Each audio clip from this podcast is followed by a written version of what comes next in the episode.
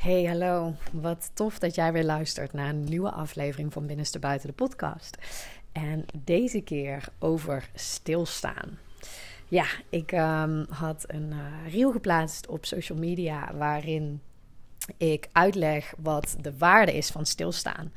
Wat de kracht daarvan is. En dat dat iets is wat we te leren hebben, omdat daar zoveel wijsheid in verscholen ligt. Ik zal daar zo dadelijk meer over vertellen. Um, maar de reden dat ik deze podcast opneem is omdat er een hele mooie vraag, nou eigenlijk door twee vrouwen werd dezelfde vraag gesteld. Van ja, ze zeiden allebei: ik ben het hier helemaal mee eens. Maar hoe sta je stil? Hoe ziet dat eruit? Ik ben me er steeds meer van bewust dat stilstaan goed is. Maar ik merk ook dat ik weer heel snel afgeleid raak om maar niet te voelen. Dus social media, Netflix, werk, afspreken, eten, etc. Dat is wat ze aangeeft. En ik denk dat dit zo'n waardevolle vraag is. Um, omdat, nou ja, jij luistert deze podcast niet voor niks. Heel veel mensen worstelen met stilstaan. Nou, allereerst denk ik dat het fijn is om deze podcast in te leiden met waarom? Waarom moeten we stilstaan? Nou, de mensen die dat vragen zijn ook vaak de mensen die er de meeste moeite mee hebben. Het voelt super ongemakkelijk om stil te staan. Um, nou, ik kan delen vanuit mijn eigen ervaring, van wat ik zie bij klanten. Stilstaan is een moment van achteruitstappen. Van achteruitstappen en overzicht nemen. Oké, wat gebeurt hier nou eigenlijk? Wat we gewend zijn te doen, is heel actief zijn en bezig blijven. Continu doorgaan, doorgaan, doorgaan. En nou, ik noem dat zelf graag micromanagen. We zijn continu die neiging op aan het volgen om maar actief te zijn, om bezig te blijven. En dat heet voor mij niet voor niks micromanagen op het moment dat jij nooit stilstaat.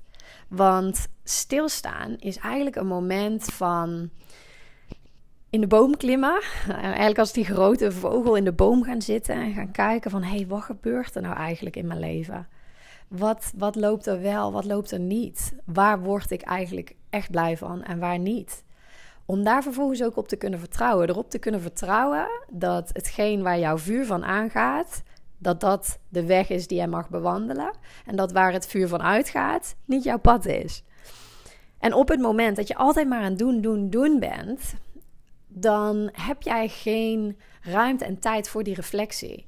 Dus dan zou het kunnen dat je uh, ja zegt tegen een nieuwe opdracht.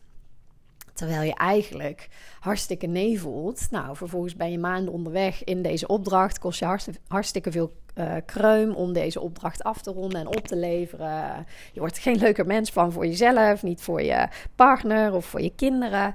En um, ja, zo zijn er weer een aantal maanden van jouw leven verstreken in een staat van zijn die jij helemaal niet wil kiezen. Dat komt omdat je aan het micromanagen bent geweest en niet de stap terug hebt durven nemen om te kijken van oké, wil ik dit echt? Nee, we volgen die neiging op om constant maar bezig te zijn. Op het moment, en ik, ik, het is grappig, want ik neem deze podcast op terwijl ik zelf echt in een fase van zijn zit. Um, ik uh, merkte op in mijn bedrijf uh, dat een aantal plannen die ik had gemaakt, een aantal doelen die ik had gesteld, die werden niet behaald. Ondanks mijn inzet. En um, ondanks dat er heel veel positieve reacties waren en enthousiasme en noem maar op. En nou, dan kun je twee dingen doen. Dan kun je uh, het nog een keer doen, en nog een keer en optimaliseren. Maar inmiddels herken ik ook van, wacht eventjes Lian, dit is forceren. Er is een moment, en ik weet zeker, dat voelt iedereen, op het moment dat jij um, met lage energie uh, aan dingen gaat werken, dat dingen nu, nu mo moeten gebeuren, snel, snel, snel. Dat is een moment voor mij waarin ik herken, oké okay, Lian, je neigt nu naar forceren toe, naar controleren, je bent gefrustreerd, oké, take a step back. Um, en op dat moment kon ik zien van wacht even, dit klopt helemaal niet meer voor mij. Dit past helemaal niet meer voor mij. Dit is nooit het doel geweest hiervan. Hè, maar dit is zo gegroeid door de afgelopen weken en de drukte die ik heb ervaren. Wacht eventjes. Ik um, ga nu niet die neiging opvolgen om actie te ondernemen. Ik ga eens even achteruit stappen, zijn en kijken wat hier echt nodig is. En zo bespaar je jezelf vervolgens weer uh, maanden van uh, doorrammen omdat je jezelf echt meeneemt. Je gebruikt je eigen instrument om te gaan kijken wat is hier aan de hand en wat, wat moet er wel gebeuren, wat mag je wel gaan zijn. En dat is soms, uh, dat is soms mijn ervaring is, is dat dat vooral in het begin vaak onduidelijk is. Voor mij zitten er echt een aantal hele grote veranderingen aan te komen. Ehm, daar zal ik TZT meer over delen. Maar ik wilde je vooral nu duidelijk maken wat de waarde is van zijn. Van die stap terugnemen. Nou, dit is op een, op een grotere schaal, maar op een kleinere schaal. Op het moment dat jij uh, ook in een loondienstbaan um, altijd maar bezig bent. Ofwel met, met je baan, ofwel met het huishouden managen, ofwel voor je ouders aanwezig zijn en opdagen en voor je vrienden. En nou ja, noem maar op. Waar ben jij in dit verhaal? Waar ben jij om af te stemmen op jouw instrument en wat jij wil? Ik geloof namelijk dat dat vuur in je hart, datgene wat jij echt wil, waar jij op aangaat, dat, dat dat is wat je je te doen hebt op deze wereld. En dat je daar jezelf heel erg mee vervult, maar dat niet alleen. Je kunt hier de wereld ook optimaal mee dienen. Um, dus op het moment dat jij geen tijd neemt om af te stemmen, rust te nemen en in te checken bij jezelf, dan mis jij hele belangrijke signalen. Dan laat jij dat vuur, wat jouw kompas is in jouw hart, dat laat je, daar kijk je hele lange tijd niet op. Um, en vervolgens ben je ergens terechtgekomen waarvan je dacht: shit, dit, dit is het niet. En dat komt dan, kun je concluderen, dat dat komt omdat je onvoldoende stil hebt gestaan om op jouw kompas te kijken, om bij je vuur in te checken. Dus dit is voor mij waar de kracht van zijn zit. En deze vraag, die was, ja, ik vind hem echt heel mooi. Want dit, dit is een vraag die, nogmaals, uh, die ik zelf ook regelmatig heb gesteld aan het begin van mijn proces naar zijn. Uh, maar, van ik, maar die ik ook heel regelmatig krijg van klanten. En waar het, wat het allerbelangrijkste is om allereerst te vermelden, is dat stilstaan en zijn, dat dat klinkt alsof je letterlijk als een soort van uh, beeld, een statue, stil moet gaan staan en moet gaan zijn. Dus uh, dat dat alleen maar is uh, stilzitten en naar buiten kijken of mediteren of nou ja, niks doen. Hè, dat, dat is een beetje het idee wat er ontstaat.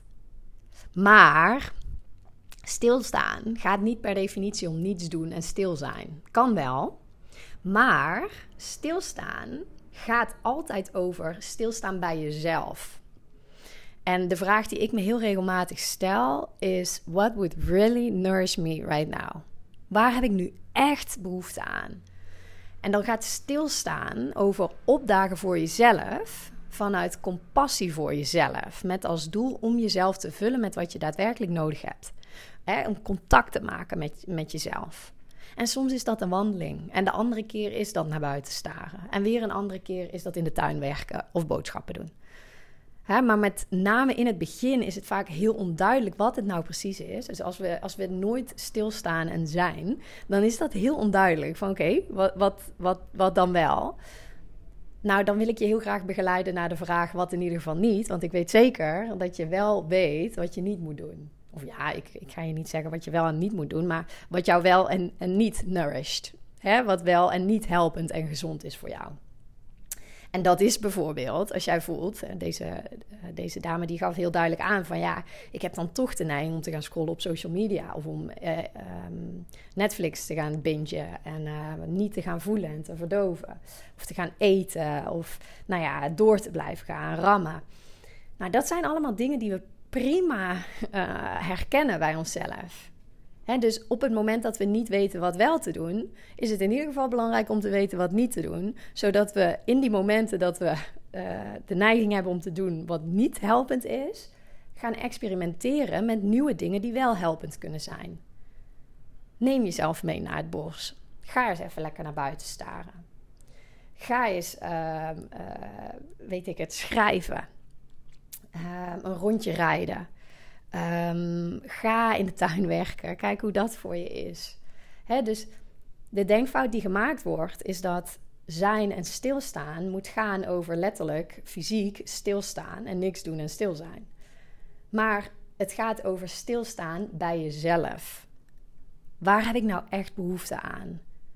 hoe kan ik nu echt contact maken met mezelf? Want heel leuk, dat vuur in je hart. Hè, überhaupt je hart volgen en daarna leven. Maar je hebt er wel echt contact mee te maken. En als jij jezelf continu aan het afleiden bent of bezig aan het houden bent, dan gebeurt er niks. Dan wordt er geen contact gemaakt. En ja, op het moment dat dit nieuw is voor jou, gaat dit heel ongemakkelijk voelen. Maar dat is ook precies wat je nodig hebt. Je hebt te voelen. Alles wat, uh, wat er aan ongemak naar boven komt op het moment dat jij stil gaat staan, heb jij te leren dragen. Want als jij een leven wil leiden in vrijheid, hè, dat, iedereen zegt dat ik wil een leven in vrijheid en, uh, en tuurlijk, iedereen verlangt daarnaar. Maar vrijheid, dat gaat gepaard met een bepaalde onrust. Want wij hebben geleerd in onze maatschappij dat we werkbaarden zijn. Dat we bezig moeten zijn. Dat we iets moeten presteren om waardevol te zijn. En op het moment dat we stilstaan, dan worden we geconfronteerd met angst en onrust. En precies dat is wat we te leren dragen hebben. Want alleen als wij dit kunnen dragen, dan kunnen we echt vrijheid ervaren. Want dan worden we niet meer geleid door die impuls om maar bezig te zijn. Want dat bepalen wij. Dan voel je van, hé, hey, die impuls, ik herken deze. Controleren en forceren. Ja, maar wacht eventjes. Nee, ga ik niet doen. Ik kan dit dragen. Ik ga contact maken met mezelf. Ik ga voor mezelf zorgen. Nou, mocht jij denken, ja, Lian, dit, dit eh, slaat voor mij de spijker op zijn kop. Maar ik zou hier wat ondersteuning bij willen. Dan heb ik een hele mooie optie voor je. We lanceren namelijk de Liefdevol met Onrust Challenge als product. Ik gaf hem uh, begin oktober aan uh, eh, 1600 mensen. Nou, liefdevol met onrust was daar ook het topic voor mij. Ehm, en ehm, nou, daar zijn ontzettend veel mooie reacties op binnengekomen. Mensen die heel veel uit die challenge hebben gehaald. Het is een challenge die bestaat uit drie opnames, drie oefeningen, twee visualisaties. Ja, waar mensen gewoon van hebben laten weten van jeetje Lian, ik, wat ik wel niet uit deze challenge heb gehaald aan, aan gedragenheid, aan contact met mezelf, aan voelen. Dat is voor mij ehm, heel waardevol geweest. Ehm, kan ik de opnames niet krijgen?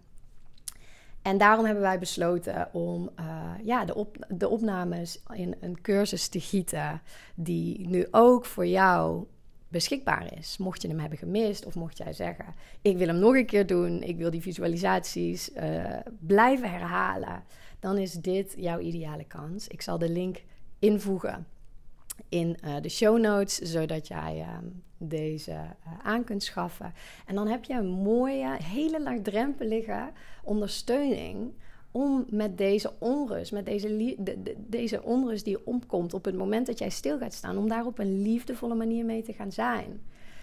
En dat is zo'n mooie basis, want het voelt alsof we dit niet kunnen en ervan weg moeten bewegen, maar het kan wel.